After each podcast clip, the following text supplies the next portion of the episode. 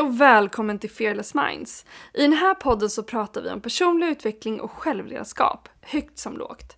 Vi pratar om allt som vi tror kan förbättra ditt liv och höja din livskvalitet.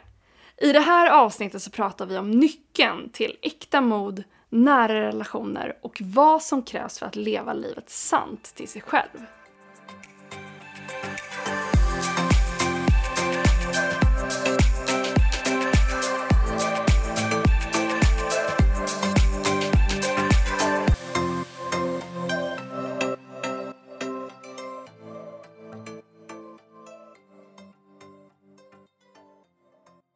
Maria, idag ska vi prata om eh, ett ämne som jag tycker är otroligt intressant. Som, eh, jag skulle säga att det här ämnet har eh, förändrat mitt liv på väldigt många plan och framför allt så har eh, det här ämnet gjort att jag har framförallt skapat en helt annan närhet i eh, dels mina vänskapsrelationer men framförallt i kärleksrelationen som jag har till min man Eh, men även relationen till mig själv. Och det är det här med sårbarhet.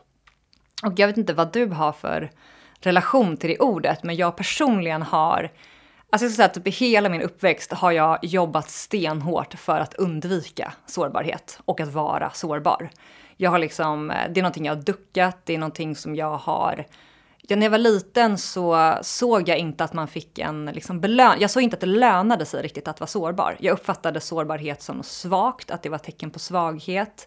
Och jag upplevde att här, jag också har eh, blivit lite så här luttrad i det här med det ensam är stark, självständig stark. Och jag tolkade in det som att vara sårbar i allt annat än det. Så att för mig har jag missförstått det här med sårbarhet i väldigt, väldigt många år och trott att sårbarhet är svaghet. Men eh, där kunde jag inte haft mer fel, för att det här är tvärtom det som, det här är riktig styrka för mig. Och eh, därför vill jag prata om det här, för att jag tror att det är så många som som kanske lite tycker att det här ämnet kan vara lite läskigt eller obehagligt, men det finns en sån otrolig vinning att eh, våga titta på det här ämnet och våga känna på att vara lite sårbar, för att det öppnar verkligen upp för så många nya dimensioner i livet. Och jag tänkte att vi skulle ta in eh, Brene Brown som är en fantastisk forskare på det här ämnet. Hon har forskat i över 20 år och är väldigt framstående. Hon är världskänd, skrivit flera böcker, haft ett TED-talk som har spridits hur många miljoner gånger som helst. Och, ja, men hon är superframgångsrik och hon pratar, det här, är verkligen en av hennes käpphästar, att prata om sårbarhet och att det verkligen är ett mod att vara sårbar. Men jag vill bara bolla över till dig snabbt. Sårbarhet, vad är det för dig?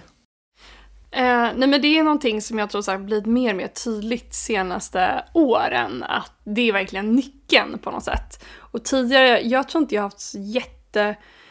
Egentligen så här, jag har inte haft jätteproblem tror jag att vara sårbar eh, när det kommer till om man säger en viss nivå på det. Men när det kommer till att verkligen prata om det som är eh, jobbigt för en, alltså på riktigt sårbart för en själv, så har det, det har ju såklart det är jobbigt att göra det. Um, men jag tror att tidigare så, om man, vad säger man, så här, man jämför då med hur andra har varit sårbara så tror jag jag varit ganska, ganska mycket, jag tror jag var ganska mycket sårbar i, eh, på så sätt och haft ganska enkelt för det. Men att när det väl kommer till, så att egentligen har inte det varit sårbarhet för, för mig då, för att jag har varit ganska, kunnat vara ganska öppen med saker och ting och inte riktigt haft kanske någon fasad på så sätt. Men att när det väl har kommit till de här bitarna som faktiskt gör en sårbar, förstår jag menar då att det är lite relativt beroende på, för någon, någon person, att säga någonting kanske den personen tycker är jättesårbart, men för någon annan så är det bara vardagsmat. Um, men att hela den, jag har också läst hennes böcker, kollat på hennes eh, TED-talk. Och det som har blivit tydligt för mig är just det här med att men det är själva nyckeln. Och jag tycker att det är också det vi på något sätt letar efter i andra människor. Att när en person, det är då de också kommer varandra riktigt nära. Att när någon annan person faktiskt vågar visa sig sårbar och berätta om saker så är det som att det signalerar att det finns en tillit oss emellan och du litar på mig och du vågar öppna upp dig för mig. Eh, och det betyder att vår relation är det är en signal på att så här, vi har en bra grund och vi vill komma varandra närmare. Så jag tycker att det finns så mycket i det med sårbarhet som är, jag menar, när man väl blir medveten om det, att så här, det ger väldigt, väldigt mycket. Och det är mycket övning att faktiskt våga vara sårbar. Mm. Verkligen. Alltså Brené Brown, hon pratar ju om att, vad är det hon säger? Hon säger att vulnerability, hon definierar det som så här, uncertainty, risk and emotional exposure. Alltså att det är just den här kombinationen, det är ofta när man går utanför komfortzonen på ett eller annat sätt. Och precis som du är inne på så är det väldigt olika från individ till individ vad som är att gå utanför sin komfortzon. Men det innefattar just den här, liksom, det finns en, en ganska stor grad av osäkerhet, någon form av risk och framförallt det här då emotional exposure, alltså det här emotionella liksom, om man ska översätta det lite på svenska, men du är väldigt, ja men du är men exponerad, skör, typ. exponerad, mm. verkligen, och du vet inte, du har inte kontrollen liksom i det, eh, i det tillfället. Nej jag exakt, bara... förlåt för det är det som är det läskiga, att man vet inte hur den andra tar emot det. Alltså det är som att man typ ger en present och den personen kan behandla det här som man, någonting väldigt fint, men den kan också behandla det liksom, på dåligt sätt. Och jag tror att det är det vi också fått, vi har ju varit med om sådana upplevelser genom livet, att någon inte har tagit väl hand om det. Så det är ju det, är ju det som verkligen blir risken, att man inte vet hur en person kommer ta emot det. Verkligen, och jag minns bara för att dra en, en story kring det här. Jag, jag har som sagt var verkligen eh, känt att jag i min uppväxt har inte mm, jag har, upp, jag har liksom tolkat in som liten och erfarit att det, man ska inte visa sig för sårbar för att det, det, det tjänar mig inte. Jag kommer, jag kommer liksom inte få den, det bemötandet, den kärleken och bekräftelsen som jag söker eh, och behöver i de tillfällena. Så att jag har verkligen kört den här, du vet, ehm, eh, bli den här duktiga flickan, ha en väldigt perfekt fasad, eh, visa att jag är väldigt självständig och stark och liksom inget rubbar mig ungefär, mycket den attityden. Och det är ett väldigt högt pris att betala, eh, att man håller den skölden uppe, för att du kommer aldrig riktigt nära någon i min erfarenhet. Och det var inte förrän jag egentligen träffade Kalle som jag är gift med idag som jag, ja men så här, jag har, det är nog första gången som jag verkligen vågade vara sårbar på riktigt. Alltså riktigt den här känslan du beskriver, man, man går utanför komfortzonen, man är verkligen ute på halis, man har ingen aning om hur det man kommer säga kommer tas emot. Det är en total känsla av icke-kontroll. Och att ändå våga eh, göra det liksom så. Och det som hände för mig var ju då att men vi träffades och jag hade också läst den här boken som jag pratat om väldigt många gånger i podden, med den här hemligheten återigen som så lärde mig att förstå mycket om liksom att ja, men så här, jag är rädd för att inte vara älskad och jag behöver liksom våga komma nära och inte hitta strategier och hitta fel på killarna utan våga stå kvar och sådär. Så jag kallade ju dejtat ett tag och sen så eh, hade vi varit på den här festen och sen kom vi hem och hans, ja men någon gammal fling till honom hade varit på den här festen och jag blev svartsjuk, eller avundsjuk helt enkelt, svartsjuk. Och jag hade ju inte någon anledning att vara det, men jag var det. Och du vet, jag var så sur. Alltså jag var så stängd och kall och gav honom verkligen det här, som man säger på engelska, eh, silent treatment, bara liksom, bara knäpptyst. Och han, han kände ju, han bara, det är ju någonting. Så han var ju så här, men vad är det, vad, vad är det liksom? Det är ju någonting. Jag sa, nej men det är ingenting. Så bara, men jag märker ju, vad är det? Så bara, nej men det är ingenting. Och som jag skojat om innan, bara 68 gånger senare, bara nej det är fortfarande ingenting, fast det är ju det. Och liksom bara, nej men du ska få fråga. Bara, fortsätt få fråga. fråga. Fortsätt fråga. och, gärna läs mina tankar helst, jag orkar ja, inte berätta. Exakt. Nej, men så ligger vi där i sängen och jag känner så här, och jag, det, det, var så tydligt, jag bara, nej men nu har, det här är ett vägskäl. Antingen så fortsätter jag med den här tradiga strategin av att säga att det är ingenting, vänder ryggen till, iskall, kanske till och med säga att jag lägger mig på soffan och sover för jag vill vara själv eller du vet, bara så här, totalt avvisande. Jag bara, eller så gör jag något annorlunda nu. Och då jag bara kände jag bara, nu måste jag göra något annat för det här håller inte. Det här, jag vet hur det här kommer sluta. Vi kommer bara komma längre ifrån varandra. Han kommer känna sig avvisad, ledsen, undra vad felet är. Jag kommer känna mig oälskad och det kommer bara skapa separation och irritation och liksom, vi kommer glida ifrån varandra. Jag vet ju det.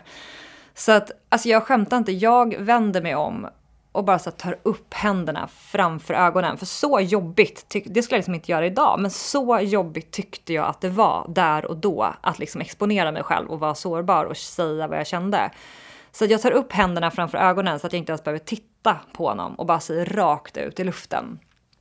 Att så här, vet du, det enda som jag känner just nu är att jag är livrädd för att du inte ska älska mig och tycka att jag duger för dig och att du ska lämna. Och det var så här, jag typ darrade på rösten när jag sa det. Och det men det ändrade allt. För då liksom gav han mig den här kramen och bara, men gud, jag älskar ju dig och liksom kramade om mig och bara, men hur kan du tänka så? Och liksom, ja men så här, gav mig närheten och bekräftelsen och det jag hela tiden egentligen behövde. Det var det enda det var. Det var inte något annat liksom. Det var så här, jag känner mig inte älskad, jag är otrygg i mig själv, kan du bara liksom ge mig en kram? Och sen ska man inte missförstå det som att så här, kan du bara komma och fylla mitt så här, tomma rum här inne och rädda mig? För att det är så här, nej, det är mitt jobb att, att jobba på min självkärlek och sådär. Men jag behövde honom, jag behövde en kram, jag behövde det i stunden för att liksom också lära mig själv att det är okej att vara svag, det är okej att liksom känna sig sårbar. Det är okej att be om hjälp. Eh, man behöver inte alltid alla svaren. Man behöver inte alltid vara starkast i världen, utan man får vara den där lilla osäkra eh, tjejen eller killen som behöver liksom kärlek. Och framförallt var... berätta ja. sanningen på något sätt, alltså till honom. Ja. För det är på något ja. sätt det som är det som släpper en fri, alltså i den stunden. att alltså, men Det är det här det handlar om, att det är därför som... Och egentligen så här, att bara så här, det här är det som är, ja, rotorsaken. Och ja, orsaken ja, men det här, till, till att ja, jag det här är rotorsak, Exakt, det här är rotorsaken, det här är det det handlar om. Och det som var som vinning i det här för mig, nu hade jag ju turen att, det kommer vi komma in på tänker jag, men nu hade jag ju turen att Kalle då var en person som kunde ta emot det för det är också en del att så här, och det är också en, men det är ju risken man får ta. Man kan inte kontrollera det, man vet inte. Men i det här fallet, och sen har vi haft andra stunder när han inte har tagit emot det på ett bra sätt. Men just där och då, liksom min första gång så, när jag verkligen var extremt sårbar och för mig då, vad som var verkligen way out, liksom utanför komfortzonen, så tog han emot det väldigt väl. Och det gav mig en sån vinning direkt i att känna så här, men jag ska våga det här. Jag ska trotsa mitt eh, kontrollbehov. Jag ska trotsa min, min inre röst som så här, nej, nej, var kall, så här, nej, nej, låtsas som du är stenhård nu och det är hans fel och peka finger och vänd ryggen om. Alltså de här försvarsmekanismerna som bara skriker inom en. Att så här, jag lärde mig väldigt där och då, så här, jag har något att vinna på att trotsa det och vara sårbar för att det som jag fick ut av det var ju otroligt mycket så här, närhet, connection, samhörighet, kärlek, trygghet och också ett space där jag känner att jag får vara mig själv och jag får utvecklas och vara nyfiken och eh, vara som jag är. Och det tycker jag är en otrolig eh, vinning med att vara sårbar. För jag tror vissa tänker så här, men sårbarhet är ju bara att visa att man, alltså att, jag tror många har erfarit kanske att det inte har mottagits så gott. Och då tror jag att det är väldigt lätt att eh, man bara bygger upp de här sköldarna, liksom lager på lager och så till slut bara, men jag kommer aldrig mer vara sårbar, punkt slut. Men man, man jag verkligen slår slag för så här, jo, det är jätte, det finns mycket att vinna på det.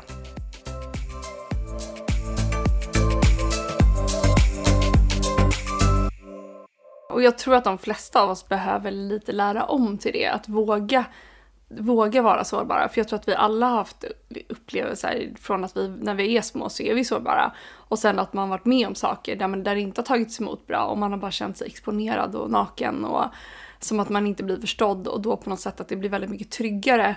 Där tycker jag upplever lite så här, när man går in i tonåren då att man, det är där man verkligen ligger på en sköld och eh, skyddar sig. Men man, man på något sätt för att komma nära att det verkligen krävs att man vågar vara det. Och som sagt, man ska inte bara vara det med alla.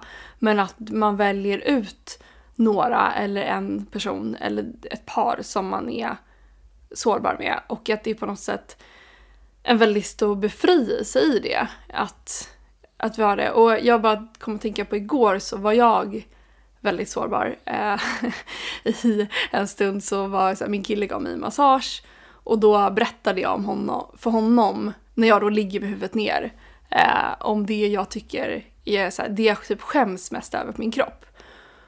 Och det var också en sån sak som jag inte har sagt till honom tidigare, men att det var skönt att säga det när jag inte tittade på honom. Eh, och det var liksom en så intim stund, men att jag, jag hade ju inte behövt att säga det på något sätt, men att det kändes som en del i så här, men det här är en av de bitarna som jag kanske ibland går och tänker på, eh, som jag inte säger högt. Men att det på något sätt är en del i, jag bara kände så här, men nu kan jag säga det här. Jag tyckte att det fortfarande var jobbigt att säga det.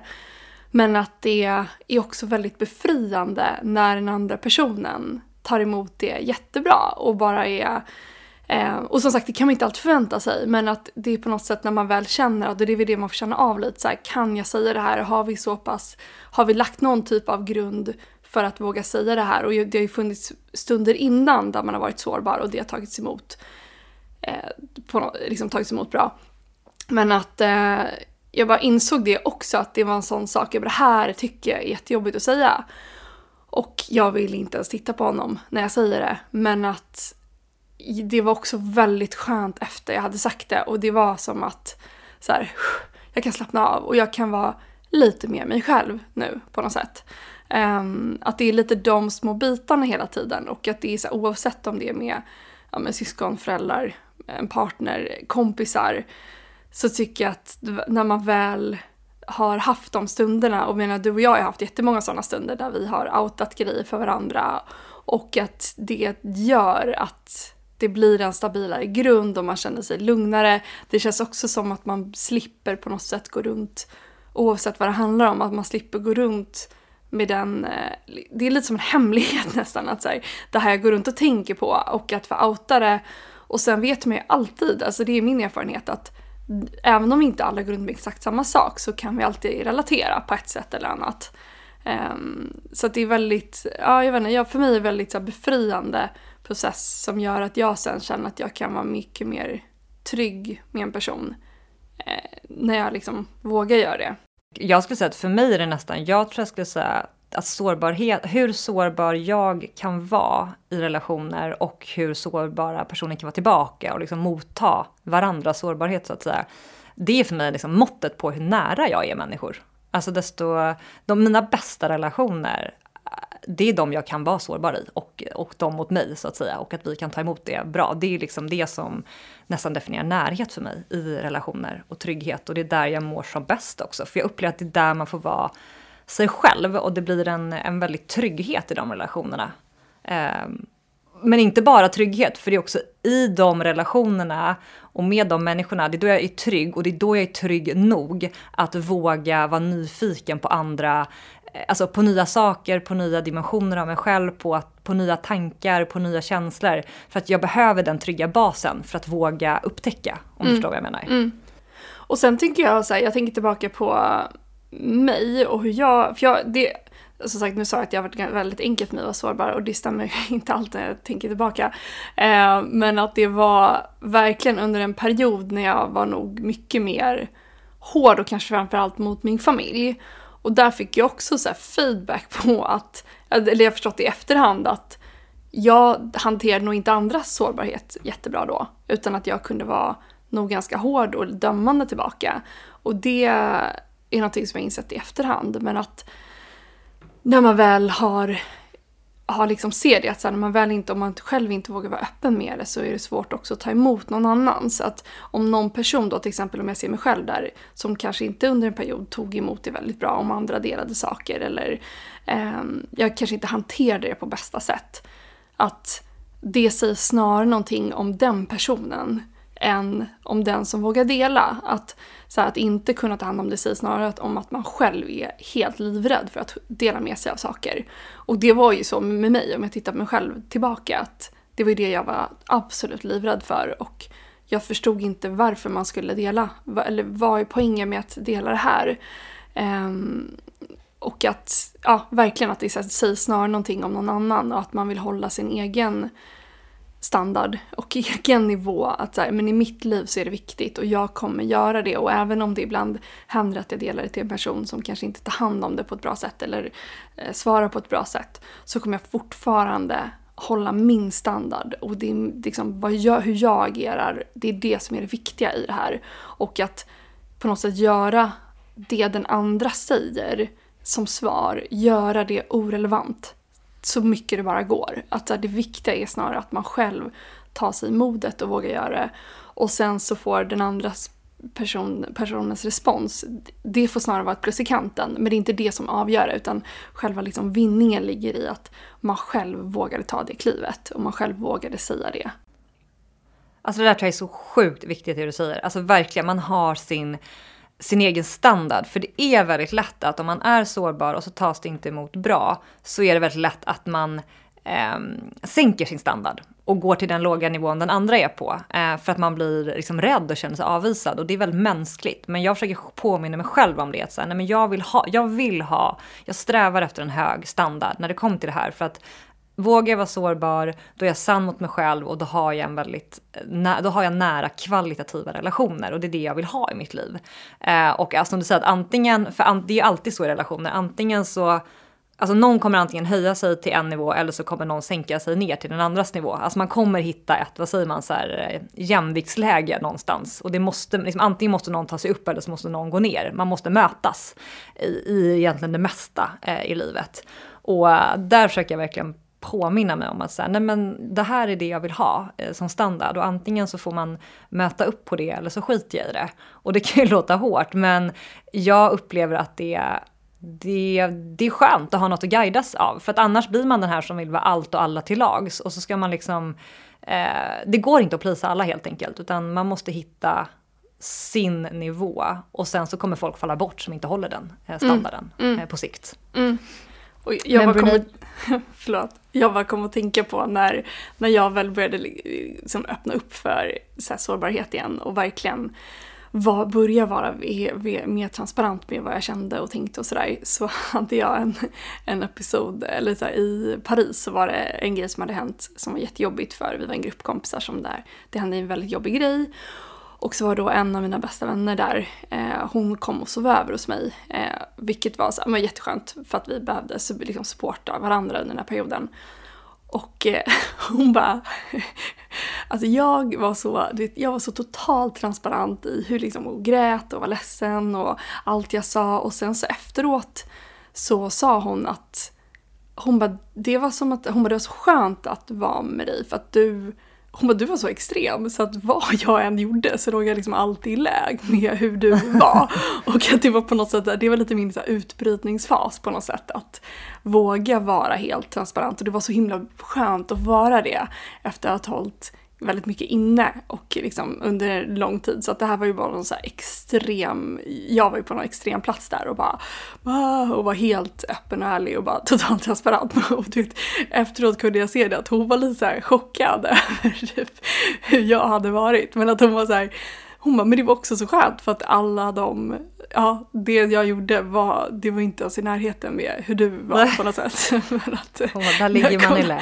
ja, det bara tänka tillbaka för den, den bara garvar för att det var verkligen en så här, du vet man har varit på ett sätt så behöver man nästan ibland svänga över lite för mycket åt andra sidan för att sen hitta balansen. Att man så svänger över som en våg och sen så måste man liksom balansera upp det genom att gå lite mer åt andra extremen och sen på något sätt hittar man balansen.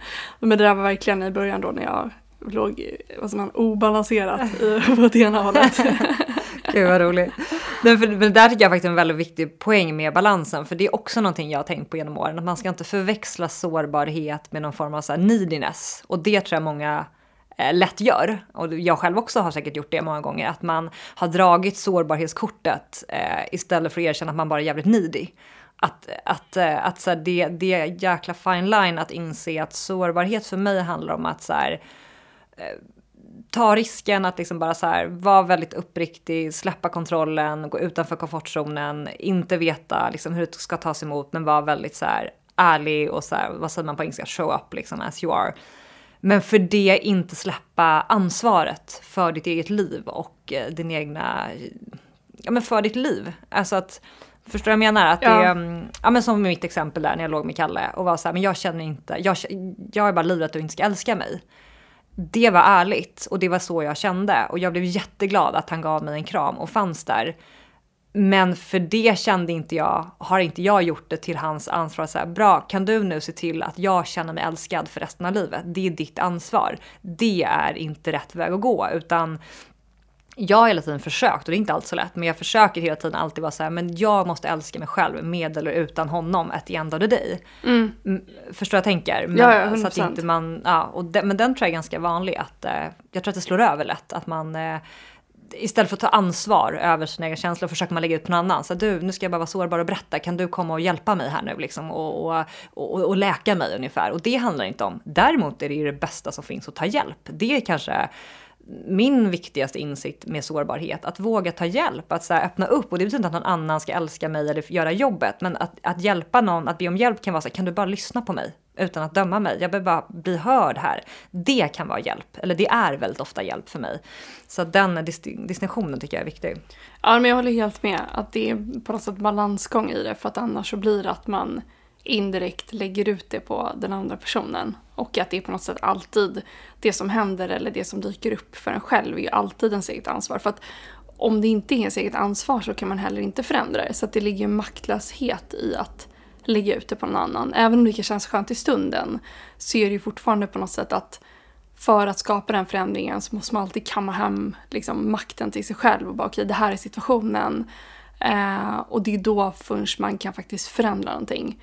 Så att, det, och det är inte alltid lätt att göra. Alltså det är ju verkligen så här, det är lätt att säga men när man väl är där i stunden så är det så lätt. Och jag kommer bara på nu när vi pratar flera grejer som jag, så här, nej men gud, där har jag ju lagt ut liksom, makten lite på någon annan eller på en annan situation. Istället för att bara så här, nej nu ska jag kamma hem allting till mig själv, det är 100% mitt ansvar.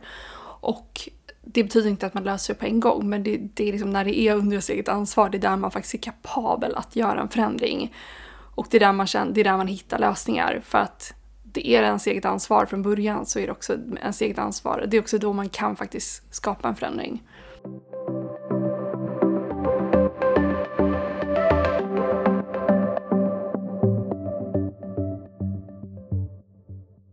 ser en artikel här från Brené Brown där hon skriver så här om, om sårbarhet. Vulnerability is not winning or losing, is having the courage to show up and be seen when we have no control over the outcome. Vulnerability is not weakness, it's our greatest measure of courage. Och jag tycker att det är så sant just att, så här, det har vi pratat om nu, men alltså, det är ju mod. Alltså, och just det här att det handlar inte om att ha rätt eller fel, det handlar ju bara om att så här, kommunicera och våga släppa kontrollen och bara vara den man är. Och ja, det krävs ju mod. Eh, har man gjort det så, eh, har man inte gjort det så är det skitläskigt och har man gjort det vet man att det tar väldigt, behöv, det kräver mod. För att det är, eh, man darrar på läppen och eh, annars så är det liksom inte sårbarhet, då är det något annat som du var inne på i början. Att då, man vet för sig själv när man är sårbar, för det känns. Ehm, men sen tänkte jag bara snabbt eh, berätta lite här om, eh, för hon eh, tycker jag har också ganska spännande Eh, hon menar ju då på att det vi gör från samhället är att vi har inte fått lära oss att vara sårbara. Alltså ur ett samhällsperspektiv så uppmuntras vi inte att vara det generellt sett. Utan hon menar ju på att vi liksom lägger på någon form av rustning för att liksom stålsätta oss mot det här. Och det finns då vad hon har sett i sin forskning eh, tre strategier egentligen på eh, vad man, vad man tar för strategier för att undvika sårbarhet egentligen. Ja, så det hon tar upp då är då tre metoder. Och det en är att man, alltså man försöker vara hela tiden perfekt. Perfektionism. Den har jag verkligen eh, antagit mycket i mitt liv. Eh, kan jag verkligen se att, att uh, om allt är perfekt, då är aldrig någonting fel och då behöver du aldrig känna dig liksom exposed eller att du får kritik eller att uh, du behöver be om hjälp. Alltså då liksom, det är en strategi, mm. att vara perfekt egentligen. Mm. Och får jag bara inflika där, en, jag tycker eh, Elizabeth Gilbert tar upp det, hon pratar om perfektionismen som så här, det är eh, rädsla i högklackat och läppstift. Att det är fortfarande rädsla, men det ser väldigt bra ut. Men det är fortfarande ja. rädsla bakom. Och jag tycker bara det är så härlig, jag inte, härlig förklaring när man själv försöker vara liksom perfektionist. Att man bara, okej okay, men vänta lite här nu, det här är rädsla egentligen bakom det. Så att eh, bara att den är rädsla i en finare outfit. Exakt, och hon Brené Brown säger det att liksom perfektionism det är som att ha liksom en supertung sån här, liksom, vad säger man, riddardräkt på sig för att skydda sig från att inte bli sedd egentligen. Alltså för den man faktiskt är. Så det är verkligen bara som en jätte, vad säger man, riddarutrustning man har på sig, så här, perfektionismen för att dölja den man någonstans är. Eh, och den andra som hon pratar om det är det här med så här numbing out, som man på engelska, alltså jag vet inte om man ska översätta det, men det är väl lite det här med att alltså, bli avtrubbad, att eh, man känner inte så mycket. Alltså man, ehm, man, eh, ah, man, man försöker bara inte, man är, man är inte så känslosam, man stänger av väldigt mycket. Stänga av skulle jag säga att hon menar lite. Och det som hon säger att det negativa med den strategin är att du kan inte välja vad du stänger av. Så stänger du av eh, liksom, jobbiga känslor så stänger du också av de positiva känslorna. Så då om du inte ska känna skam eller att, något, att du känner dig sårbar och liksom sårad eller sådär, då kan du heller inte känna äkta kärlek och glädje och liksom hela spektrat. Så att väljer man att liksom stänga av väldigt mycket och så numb out, då, som man säger, så blir det oftast att man stänger av hela registret någonstans. Mm.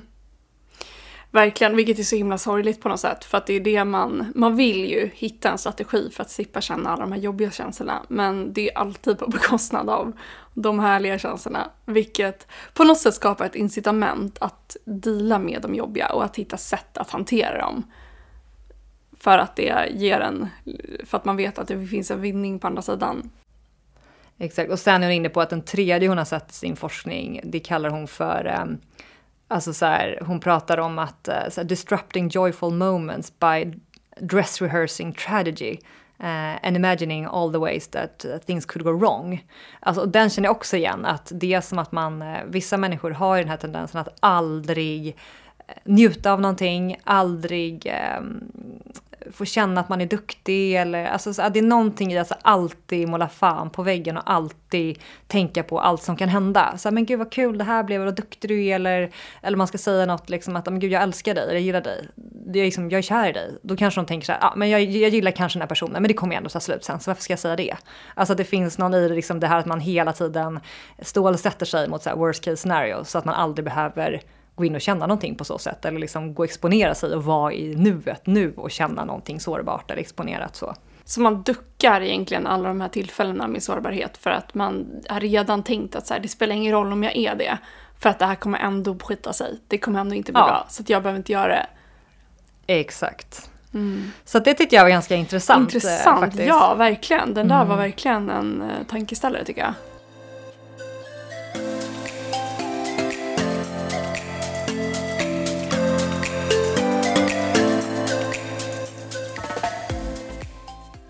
Och för mig är det också just det här med sårbarhet, alltså det är på något sätt hela nyckeln till att också våga följa sitt hjärta och våga gå sin egen väg i livet. För om vi tänker med arbetslivet också, eller det man vill göra och hur man vill bygga upp sitt liv, så håller vi på något sätt, vill vi kliva utanför hela det här det stora riset eller det är liksom det de flesta gör och kanske gör någonting annat som är mer sant till en själv så krävs det att man blir sårbar i det. För om vi inte är villiga att vara sårbara på den resan så kommer vi aldrig heller våga gå vår, he, vår, vår egen autentiska väg i livet utan då kommer vi anpassa oss efter det alla andra gör och följa det. Så att så på något sätt så krävs det att man vågar vara sårbar och det kanske bara är gentemot en gentemot en själv i det här sammanhanget. Men att faktiskt våga vara villig att ta den risken. Eh, och att våga ta risker för att det är det som krävs på något sätt, att våga gå sin egen väg i livet oavsett hur den ser ut. Men att eh, för mig är det väldigt starkt kopplat till det här med att leva autentiskt och leva sant i sig själv. För att det är också sett, det är så här, med alla jag känner egentligen så är det alltid att det är alltid någonting annat man vill göra som kanske ligger utanför normen eller man vill sticka ut och göra någon annan grej eller testa någonting annat. Och det kräver sårbarhet för att våga göra det, för annars kommer man hålla sig till det som man alltid har gjort och det de flesta alla andra gör. Så att för mig är det en, har varit kanske den alltså en jätte, jättevinning med att våga vara sårbarhet och jag förstår att så här, ska jag våga göra det så kommer sår, sårbarhet vara en del av resan. Och jag kommer inte komma undan det om jag inte vågar vara sårbar.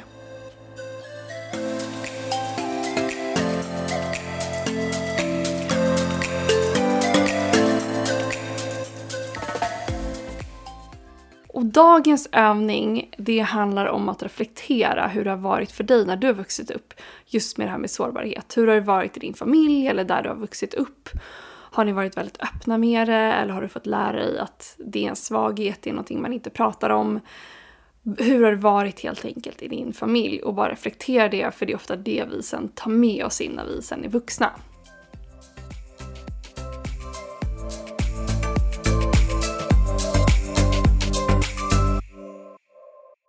Vill du ha vår gratisguide, The Secret to Boosting Your Self-Confidence till dig, där vi ger tips om hur du bygger ditt självförtroende inifrån och ut? Gå i så fall in på fearlessminds.se och lämna din e-postadress. Och då kommer du också få tillgång till exklusivt material, unika erbjudanden och innehåll som vi bara delar till vårt internationella community, där vi har läsare från över 30 länder. Så att gå in på fearlessminds.se och lämna din e-postadress. Och är det så att du gillar podden så får du jättegärna gå in och ge oss en femma i betyg på iTunes. På så sätt så gör du inte bara oss glada, du hjälper även fler att hitta podden. Och vill du vara säker på att inte missa ett avsnitt, se då till att gå in och prenumerera på podden. Och det gör du väldigt enkelt via appen Podcaster. Det var allt för oss den här veckan. Vi ses igen nästa vecka. Ha det bra, hejdå!